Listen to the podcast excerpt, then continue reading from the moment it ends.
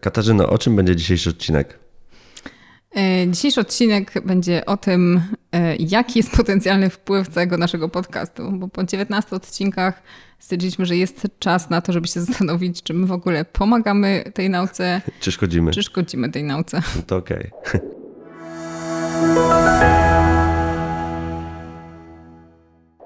Właśnie, ostatnio mówiliśmy o tym, że po pierwsze nie szkodzić e, i przyszedł tak czas Wzię, na refleksję. Wzięliśmy to sobie bardzo do serca. E, no właśnie, a konkretnie to będziemy mówić o e, zaufaniu do nauki i o tym, e, jak ono się kształtuje w, konkretnie w kontekście otwartej nauki bądź problemów z nauką i informowaniu ludzi spoza nauki. Czyli w jakim sensie to będzie kontynuacja naszego odcinka o nauce obywatelskiej, bo dzisiaj też będziemy mhm. mówić o tym, jak ludzie, jak nie naukowcy postrzegają naukę, czy ufają nauce, czy ufają naukowcom i jak informacje o na przykład kryzysie replikacyjnym bądź praktykach otwartej nauki, jak wpływają na, na zaufanie do nauki. Mhm. I teraz pytanie, pierwsze pytanie jest, dlaczego to jest istotne? Jak ci się wydaje?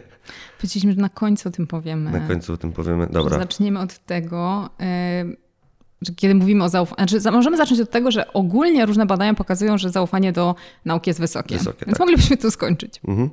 Um, no ale, nie, ale... Nie, nie jest tak pięknie. No, czemu nie jest pięknie? No bo ono nie jest aż tak. Są grupy, które podwa systematycznie podważają mm, to zaufanie do nauki. To po pierwsze. No i pytanie jest takie, jak to się będzie zmieniało w czasie, na przykład w sytuacji, w której coraz więcej osób powiedzmy będzie słyszało o właśnie o tym, że pewne badania się nie replikują, pewne wyniki. E, w ogóle co się dzieje wtedy, kiedy ludzie słyszą, że są niespójne wyniki na jakiś temat. Czy to zwiększa ich zaufanie do nauki, bo oni myślą, że no właśnie tak nauka funkcjonuje, że różne osoby zajmują się tym samym tematem i czasem dochodzą do różnych wyników, e, czy zmniejsza to ich zaufanie do nauki, skoro widzą, że naukowcy się nie zgadzają. Mhm. No, mi się wydaje, że taka obiegowa teoria będzie taka, w sensie przynajmniej tak z obserwacji, że e, nauka ma wysokie zaufanie, ale wtedy, kiedy postrzegamy ją jako pewien monolit. To mhm. znaczy, no, tak, są naukowcy, oni nam mówią, jaka jest prawda, i teraz im więcej słyszymy o tym, że no, ktoś się pomylił, a że naukowcy się kłócą ze sobą i, i to nie w taki sposób, że ktoś grzecznie mówi, tu mógłbyś zrobić to inaczej lepiej, tylko pokazuje wyniki, które wprost przeczą mhm. wynikom innego naukowca. No i wtedy przestaje być postrzegane jako coś spójnego, jako pewien monolit. No i teraz, i to jest to ciekawe pytanie, czy to powoduje, tak jak powiedziałaś, że ludzie zaczynają się zastanawiać hmm, i mają chwilę refleksji nad tym, że no nauka pewnie taka jest i to bardzo dobrze, czy wręcz przeciwnie, czy im się wydaje, że to znaczy, monolit się zaczyna sypać i to znaczy, że postrzegaliśmy źle naukę. To znaczy nie powinniśmy jej tak bardzo ufać.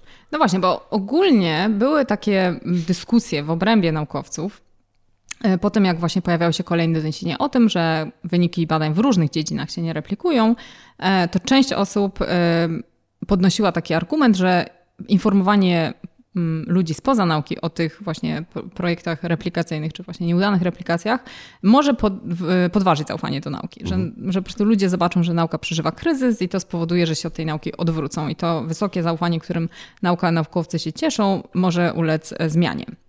Z drugiej strony byli inni badacze i badaczki, którzy zwracali uwagę na to, że e, że nauka, środowisko naukowe podejmuje wysiłki e, na rzecz tego, żeby tą naukę naprawić. I w jakim sensie przekaz, e, który może pójdzie do świata, jest właśnie taki, że jak są problemy, to nauka i naukowcy podejmują e, działania, żeby żeby temu przeciwdziałać. I w związku z tym to jest właśnie tak, jak nauka działa. Nauka się samo oczyszcza e, i być może zobaczenie i skonfrontowanie się z tymi działaniami, które naukowcy w ramach otwartej nauki podejmują, tak naprawdę podniesie zaufanie do, do nauki. Więc w jakim sensie te dwie różne narracje dotyczące, temu jak, dotyczące tego, jak brak replikowalności wyników badań wpływa na zaufanie do nauki, są, można znaleźć w środowisku naukowym. No i pytanie jest takie, czy mamy jakieś dane, które, um, które wspierają bądź jedną, bądź drugą interpretację.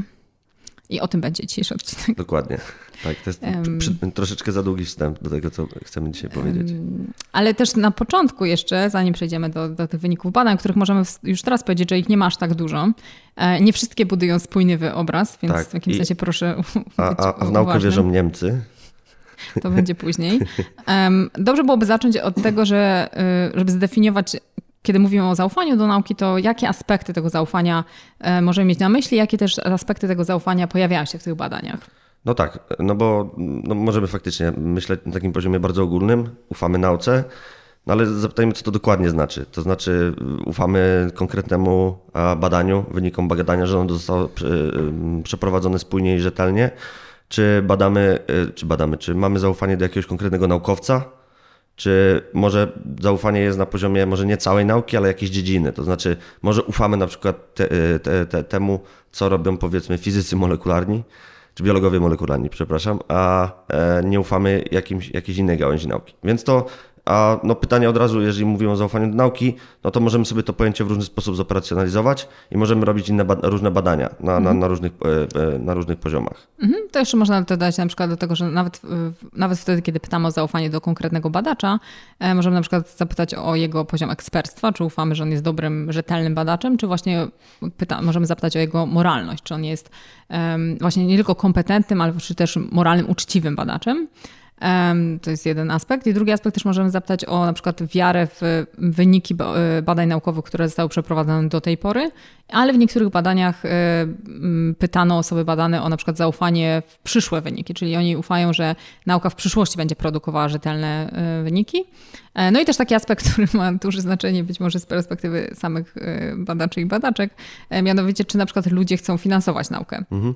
I czy zgadzają się, że pieniądze publiczne powinny być przeznaczone na e, taką dziedzinę aktywności i jak to się wiąże z zaufaniem do tego, że ta, e, w, ty, w, tym obszarze zostaną wyprodukowane jakieś nie wiem, użyteczne społecznie efekty.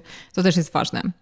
E, w kontekście, jeszcze tylko dorzucę, że w kontekście, szczególnie w kontekście otwartej nauki, a ciekawe też będzie zaufanie do konkretnych metod. To znaczy, a jak to się zmienia w zależności powiedzmy od tego, czy coś publikujemy, czy na przykład udostępniamy dane, i, i tak dalej, i tak dalej. Czy to zwiększa, czy zmniejsza zaufanie, jakie mamy do konkretnych metod. To znaczy, efektywnie to będzie zaufanie do nauki, albo do badań, albo do naukowca, ale możemy też się zastanawiać, czy określone metody zwiększają albo zmniejszają takie zaufanie. Mhm. Czyli w jakimś sensie, na ile na przykład ludzie ufają, że konkretny wynik jest wiarygodny versus procedura, która doprowadziła do uzyskania tego wyniku i, i narzędzia, na przykład tak, metoda naukowa tak, w ogóle jest. I to taka procedura pojęta tak bardzo ogólnie, no bo mhm. oczywiście nie chodzi o to, że zaraz przyjdzie ktoś i będzie dokładnie to, co jest w artykule napisane, mówił w jaki sposób, nie wiem, a do, dokonał odkrycia naukowego albo co dokładnie zrobił w laboratorium, ale czy na przykład jeżeli mamy proces publikacyjny, to to, że ludzie wiedzą na przykład, że tam powiedzmy mamy podwójno, podwójnie ślepą recenzję,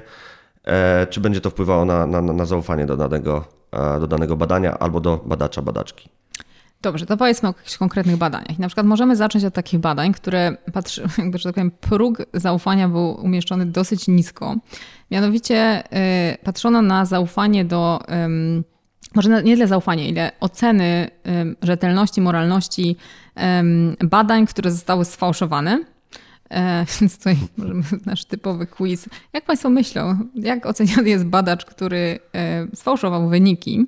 Ale co było ciekawe w tym badaniu, to to, że ten e, jasny przypadek niemoralnego zachowania był, do, do niego był porównywany inny przypadek, mianowicie E, badacza i, i, praktyk nauki, może nie badacza konkretnie, tylko praktyk naukowych związanych z tym, o czym wielokrotnie mówiliśmy w trakcie naszego podcastu, czyli takim selektywnym raportowaniem wyników, czyli na przykład tym, że zrobiliśmy badanie na kilku zmiennych, które tam mierzyliśmy i tylko na jednej wyszedł wynik istotny statystycznie i my tylko jako autor badania artykułu prezentujemy tylko ten wynik, który wyszedł, albo nie wiem, nie wszystkie mm, warunki eksperymentalne właśnie y, opisujemy. To, co, to, na co patrzono w tym badaniu, to to, w jakim stopniu to zachowanie jest e, moralnie nieakceptowalne. Czy badacz, który zaangażował się w tego typu praktyki, czyli fałszowanie bądź selektywne raportowanie, powinien zostać zwolniony, czy powinien mieć e, zakaz otrzymywania finansowania na badania e, i czy generalnie jest to zachowanie, które jest uważane za przestępstwo.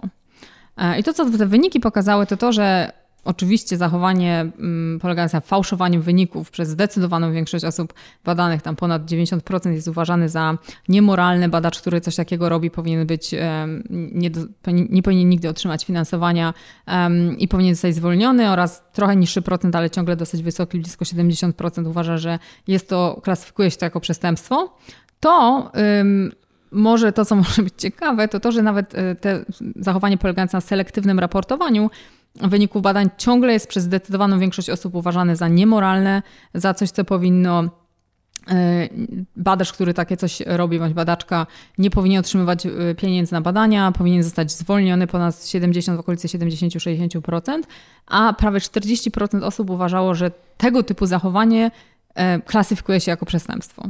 Mhm. Czyli mamy nałożone jakieś moralne e, standardy na zachowanie badacza albo badaczki. Tak, czyli generalnie można powiedzieć, że ludzie uważają, że takie zachowania, które są zdecydowanie problematycznymi zachowaniami, ale w które spora część osób w różnych dziedzinach się angażowała, być może nadal się niektórzy angażują, ale w każdym razie no, przeciw którym zachowaniom wszystkie te reformy, o których w trakcie tego podcastu mówiliśmy, zostały zaprojektowane.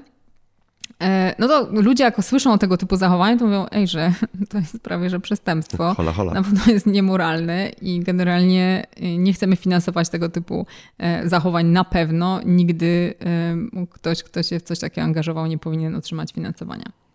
Więc ludzie mają, wydaje się, większą jasność e, co do tego, jak bardzo niepożądane są te praktyki. A, um, Dobrze, to teraz możemy się zastanowić, co się dzieje w sytuacji, kiedy ludzie usłyszą, że mm, badacze jednak angażują się w tego typu praktyki, e, bądź że mamy do czynienia z, mm, z takim zjawiskiem, w którym mm, wiele badań w danej dziedzinie, na przykład, bądź tylko w danej dziedzinie, w, w nauce w ogóle nie replikuje się. Mhm. I co się dzieje, jak słyszą o kryzysie replikacyjnym, bez używania słowa kryzys replikacyjny, którego zresztą my też nie jesteśmy specjalnymi fanami.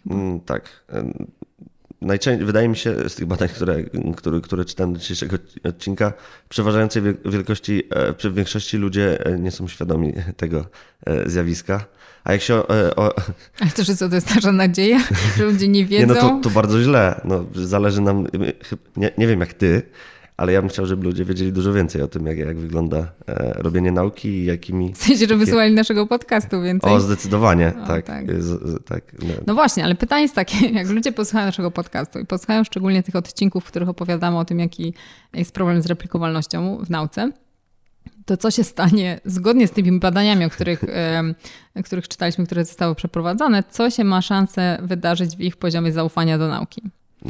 Więc um, jakie badania? Jedno z takich badań, które, um, które zostało przeprowadzone na nie jakiejś specjalnie dużej grupie osób, ale jest ono ciekawe, bo to są studenci, którzy brali udział w wykładzie, w którym e, słyszeli o między innymi właśnie kryzysie replikacyjnym w psychologii e, i pytanie było, jak to zmieni ich oceny mm, zaufania do nauki, jaką jest psychologia. No i tutaj niestety przykry wynik jest taki, znaczy przykry, nie przykry, może nie przykry, może właściwie racjonalny, w tym sensie to też jest pytanie, do którego możemy później wrócić, na ile to są zupełnie uzasadnione reakcje, jest takie, że mają trochę mniejsze zaufanie do um, psychologii.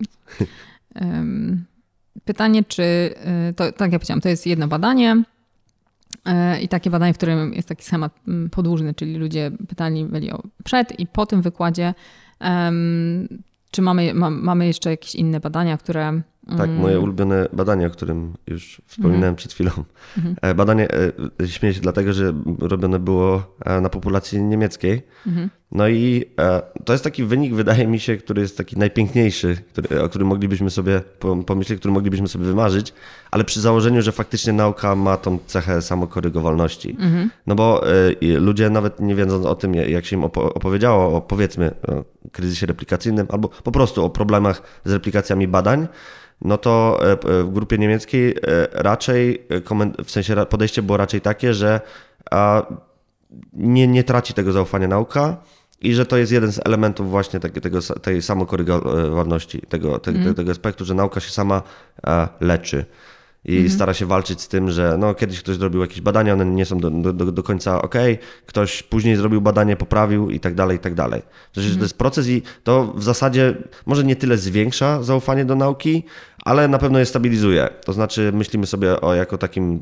ciągłym procesie, który a w ogóle o nauce jako o czymś, co dobrze działa. Więc znaczy, to, jest, jest, no to są tak piękne. badania, znaczy piękne, tylko ja zaraz dodam coś mniej pięknego z innych badań być może, ale też nawet w tych badaniach można powiedzieć, że no dobrze, ludzie czytali, że jest o tym, że jest badania w nauce się nie zawsze replikują.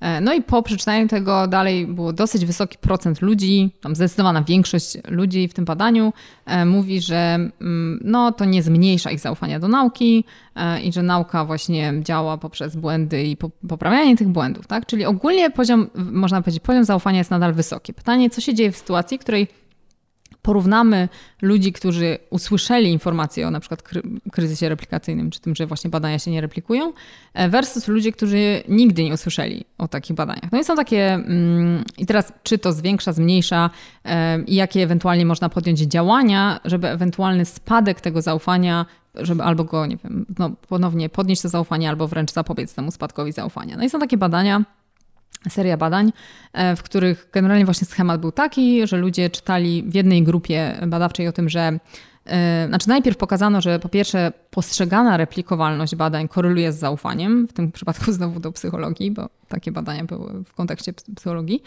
Mm, więc tak, im bardziej ludzie sądzą, że wyniki badań w danej dziedzinie się replikują, tym bardziej um, mają większe zaufanie do, do tego. No ale to było badanie korelacyjne.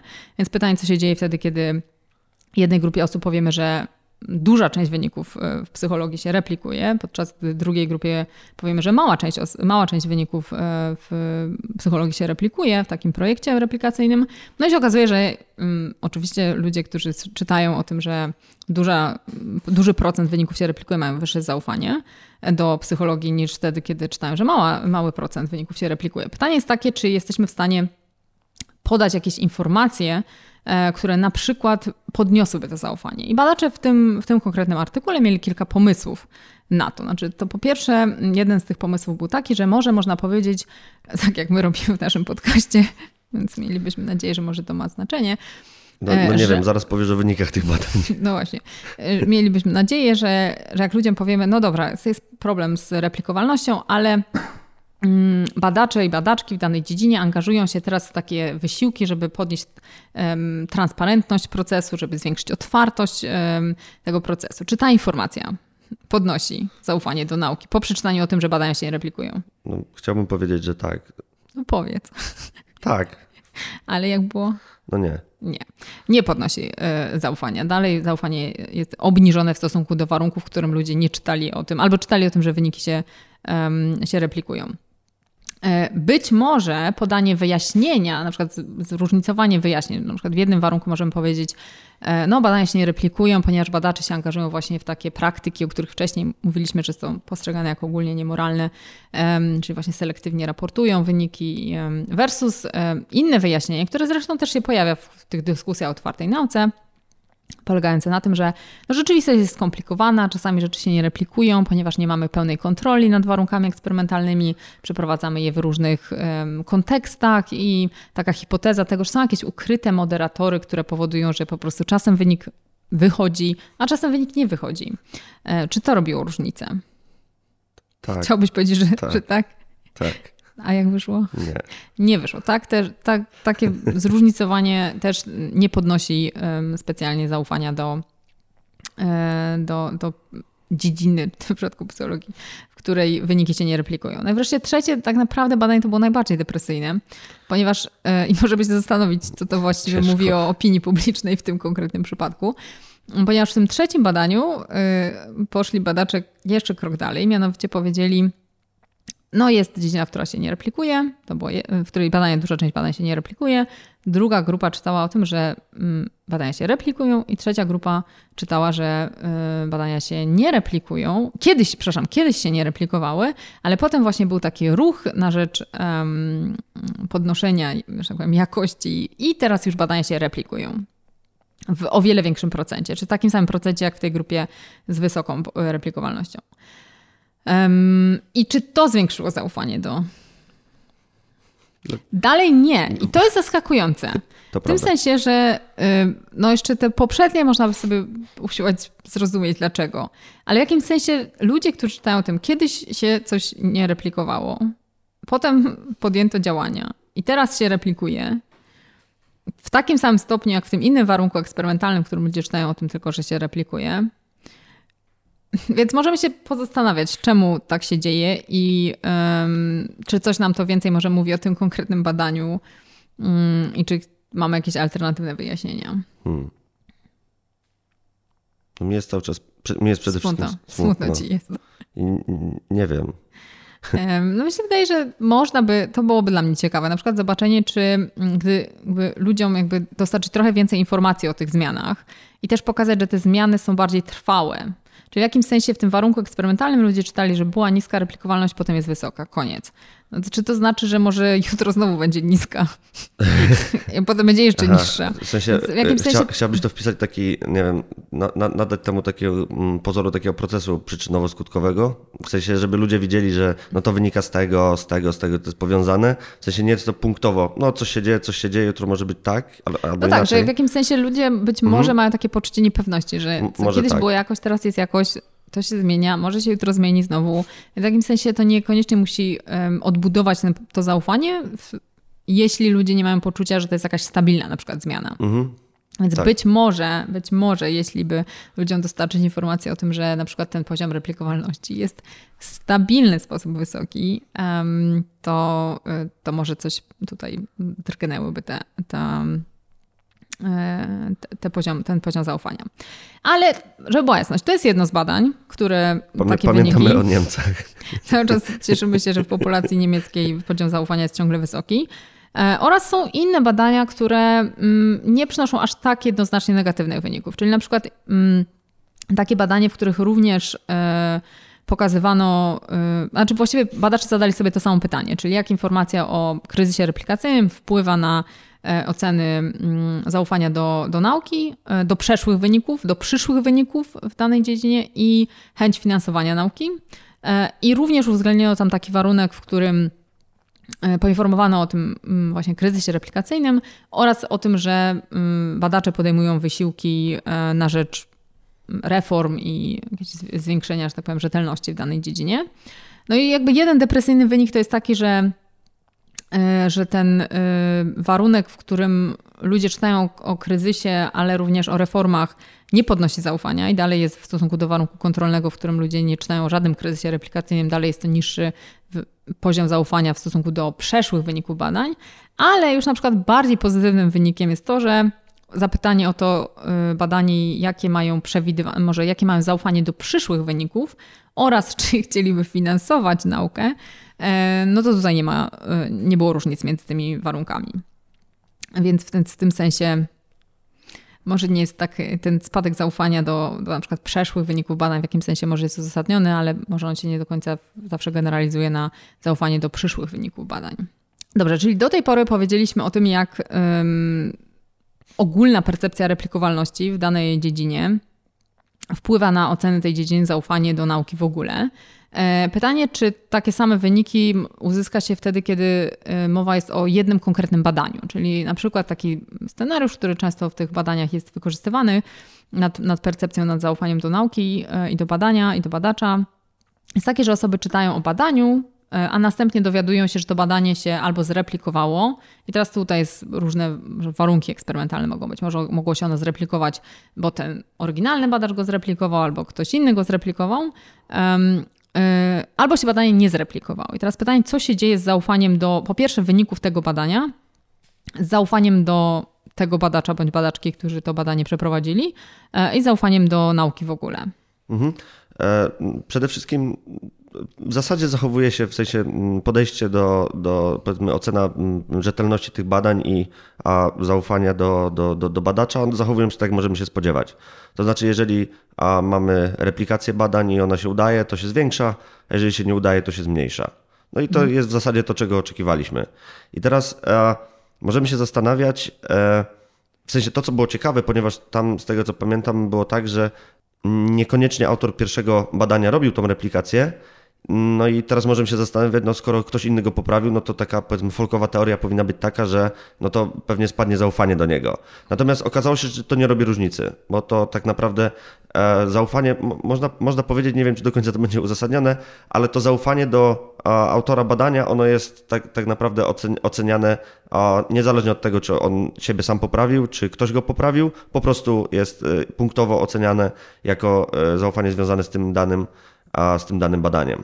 No, przy czym to zależy od tego, o jakiej właśnie zmiennej mówimy, prawda? Bo mhm. w tym konkretnym badaniu e, w, największa różnica jest w zaufaniu do wyników badania, co w tak. jakimś sensie jest bardzo racjonalne. To znaczy, jeśli jest wynik badania, który się, można uzyskać go dwa razy, versus wynik badania, który raz jest, a raz go nie ma, no to takiego nawet zupełnie poznawczego modelu tego, jak aktual, uaktualniamy wiedzę o świecie, no to jeśli coś się powtarza, no to powinniśmy mieć większe zaufanie, że to jest prawda, niż jak coś się nie powtarza. Więc w jakimś sensie ten brak replikacji wpływa na zaufanie do tego, że dane badanie jest prawdziwe, bądź, znaczy wynik jest prawdziwy bądź nie. Mhm.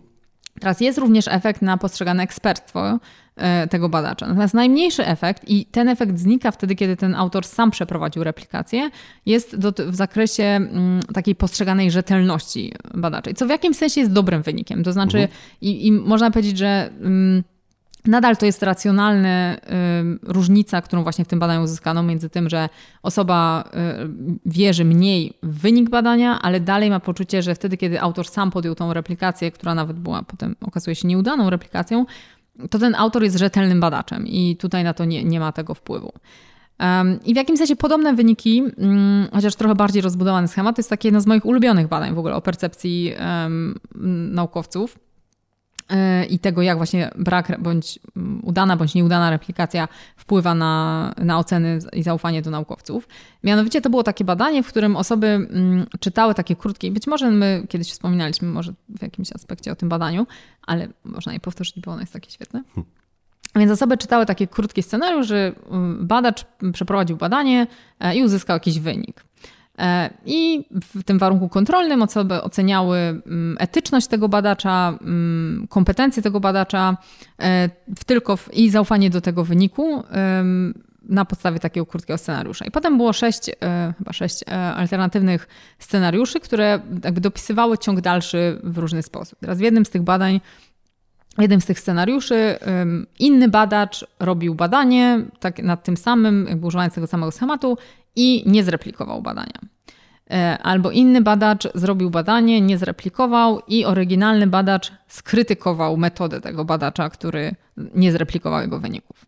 Albo wręcz przeciwnie, e, inny badacz zrobił, nie zreplikował, a oryginalny badacz powiedział, że mm, e, teraz trzeba w takim razie dojść do tego, dlaczego, gdzie są różnice i kontynuuje mm, badania razem z tym, mm, który zrobił tą nieudaną replikację.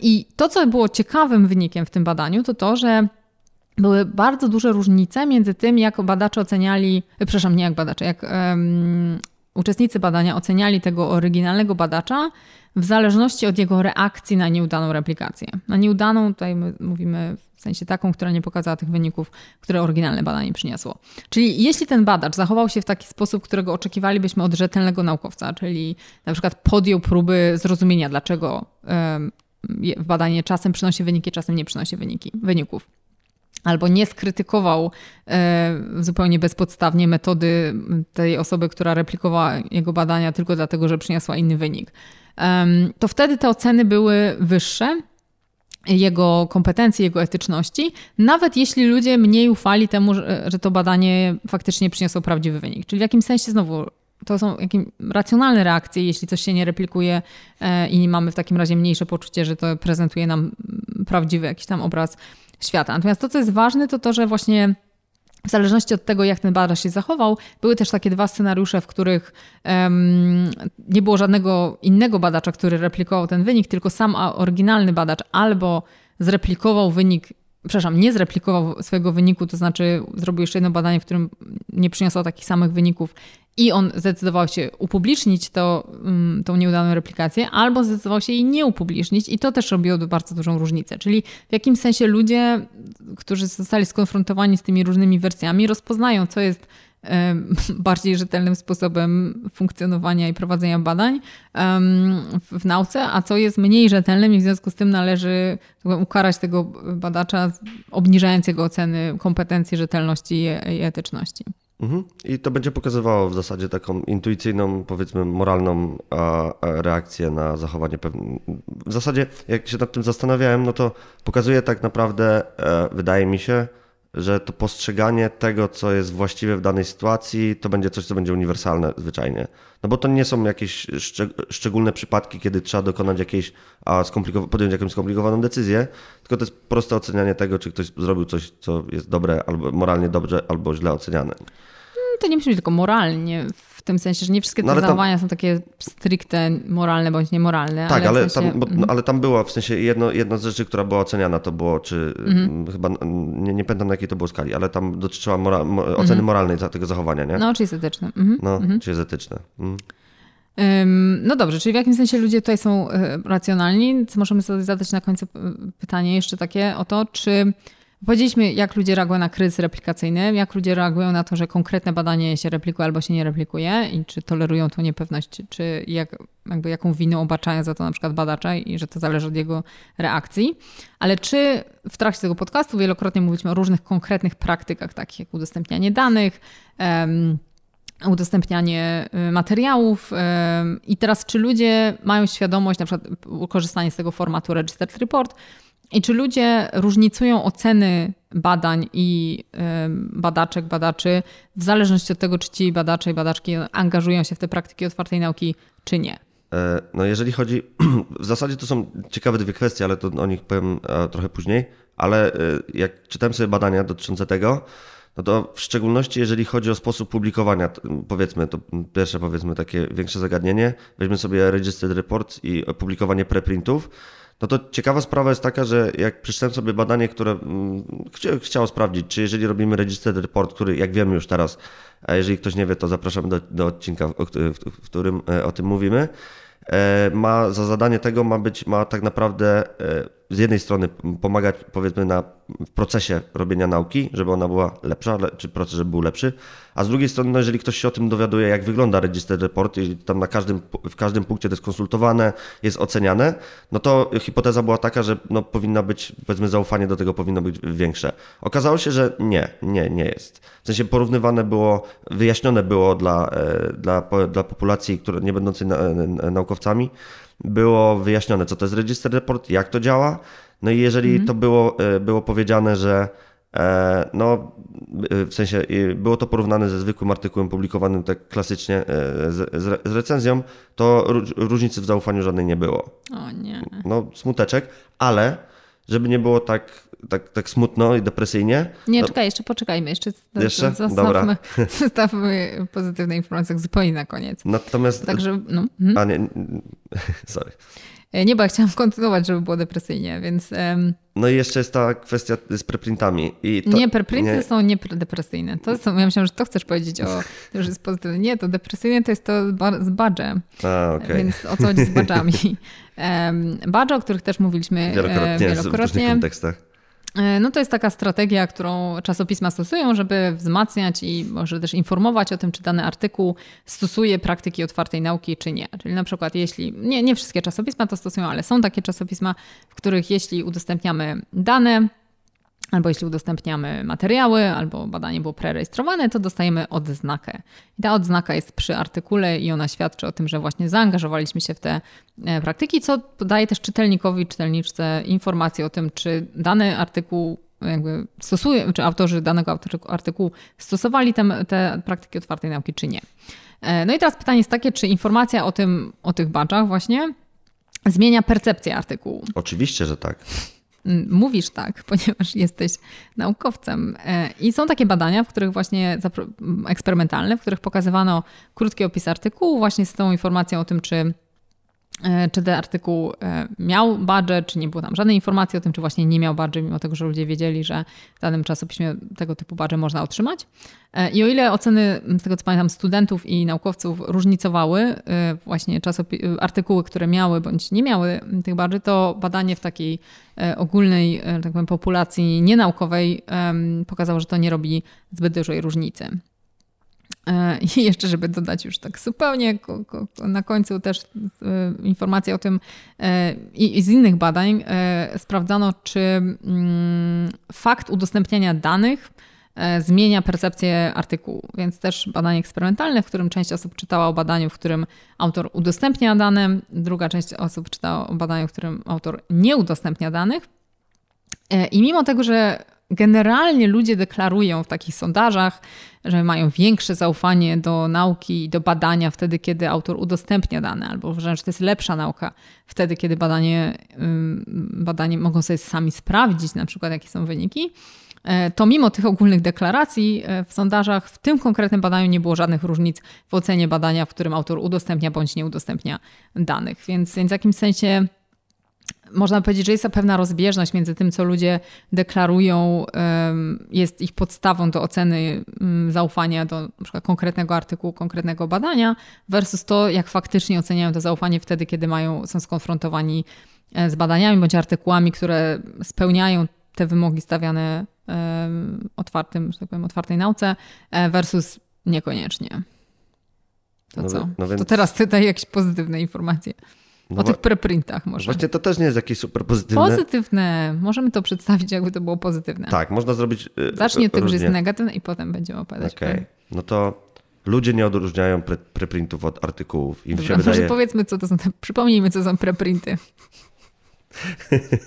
w kontekście tego, co zaraz nasi, powiem, to nasi będzie bardzo, słuchacze bardzo i słuchaczki na pewno wiedzą, co to są preprinty. Ale tak. gdyby, przypadkiem gdyby przypadkiem ktoś się znalazł, to żeby nie było mm, mu przykro, że nie wiem o czym mówimy, to opowiemy o czym. W skrócie y, możemy sobie opublikować, y, w zasadzie możemy sobie opublikować co chcemy e, jako preprint. I oczywiście no, ludzie publikują różne rzeczy, ale jeżeli to robimy w kontekście nauki, no to mamy specjalne, możemy w sensie w dowolnym miejscu to możemy tak naprawdę zrobić, ale są, e, są miejsca, w których zazwyczaj się to robi, a w zależności od e, dyscypliny naukowej, w której się obracamy, e, są specjalne portale do tego i jeszcze, mm, jeszcze przed zakończeniem procesu recenzyjnego możemy sobie to opublikować w domyśle dlatego, żeby szybciej, świat naukowy szybciej dowiedział się o tym i przy takim milczącym założeniu, że to jest dobrze zrobione i to na pewno będzie opublikowane. Natomiast no, jest tam taka gwiazdka przy tym, może nawet duża gwiazdka, że to wciąż jest preprint, to znaczy to wciąż przechodzi proces recenzji, tam się jeszcze wiele może zmienić. I... No mamy może jeszcze nie przechodzić procesu recenzji. W tak, sensie, no, nie, to jest, jest po prostu artykuł, tak. artykuł, który nie przeszedł procesu tak, recenzji, tak, okay. tak? I on może być na etapie wysyłania do czasopisma, może być na etapie, um, ale generalnie nie ma jeszcze tej tak. um, badża za nie, nie ma jeszcze badża akceptację. Za, za akceptację. No mhm. i teraz e, pytanie było, czy, po, ponieważ zrobiło się publikowanie preprintów i w zasadzie to jest dobra rzecz i jest, mhm. jest coraz bardziej, po, co, co, coraz powszechniejsze. No i to możemy się zapytać teraz, czy e, ludzie odróżniają preprinty od opublikowanych i w sensie w domyśle po, po, takich artykułów, które przeszły proces recenzji. No i okazało się, że no słabo. Mhm. Jest w internecie, jest, wygląda jak artykuł naukowy mniej więcej, to jest artykuł naukowy, ale ten wielki plus, że jeżeli się powie ludziom, że to jest preprint i tam nie było recenzji, w sensie jeżeli się im to powie, to zmienia się postrzeganie tego. W sensie spada mhm. zaufanie do preprintów, ludzie stają się bardziej ostrożni w ocenie tego. No co jest dobrą informacją, to znaczy, no może przynajmniej dlatego, w tym konkretnym badaniu, to znaczy, że e, ludzie czytają to, co im się podsunie. Z uwagą, można powiedzieć, uwagą, krytycznie i, krytycznie. przyjmują. Znaczy mi się wydaje, że ogólna konkluzja i z tego i na przykład z tego badania o badżach jest taka, że w momencie, kiedy ludzie mają informacje, co te mhm. praktyki oznaczają tak. i co te badże, e, co się za tym kryje i jaka jest e, że tak powiem, wartość dowodowa artykułów z badżami i bez badży, to zaczynają różnicować to. I mm, więc jest szansa. Mimo tego, że mm, czyli jak w jakimś sensie my przedstawiliśmy wyniki różnych badań związanych z percepcją i zaufaniem do nauki, albo pod wpływem informacji o problemach z replikowalnością, albo pod wpływem informacji o tym, że są reformy w nauce, których celem jest poprawienie tej sytuacji i tych problemów z replikowalnością, albo nawet informacji o tym, że już są jakieś efekty prac tych, tych reformatorów. Ale w jakimś sensie tych badań nie ma zbyt dużo. I my chcielibyśmy z takim optymistycznym może punkcie y, podsumować je, że są pewne przesłanki do sądzenia, że edukowanie ludzi w zakresie, Jezu, ja to taką konkluzję po prostu, no dlatego dobrze. trzeba robić podcasty I, I dlatego robimy ten podcast. Zapraszamy sponsorów. I, I, mamy nadzieję, że one są użyteczne, a nie tak. obniżają zaufania. No ale po tym podcaście wiemy, to znaczy mamy badania, nie zawsze opublikowane. Spójne. Nie tylko preprinty. tak, nie tylko dokładnie, e, w, w, z których wynika, że rozszerzanie, w sensie uświadamianie ludzi, jakie, jakimi narzędziami, jakie narzędzia nam podsyła otwarta nauka, a zwiększa zaufanie do, do, do, do, do nauki. I... W którym punkcie myśmy to powiedzieli? No, jeżeli ludzie lepiej oceniają artykuły, jak wiedzą, że są artykułami, ok? Tak. Dobra, może Taką to jest mamy duża... nadzieję, po tak, prostu. Może to jest za duża może konkluzja, tak, faktycznie. To jest, to jest um, nie widzieliśmy żadnych dowodów przeciwko. Właśnie, więc tak. Więc przynajmniej tam nie ma różnic. Więc tak. mamy nadzieję, że będą tego pozytywne konsekwencje, ponieważ zaufanie do nauki jest ważne, czy nie jest ważne? Jest bardzo ważne. Najważniejsze. Najważniejsze. Znaczy, to jest w jakimś sensie, możemy zakończyć takim pytaniem. Tak.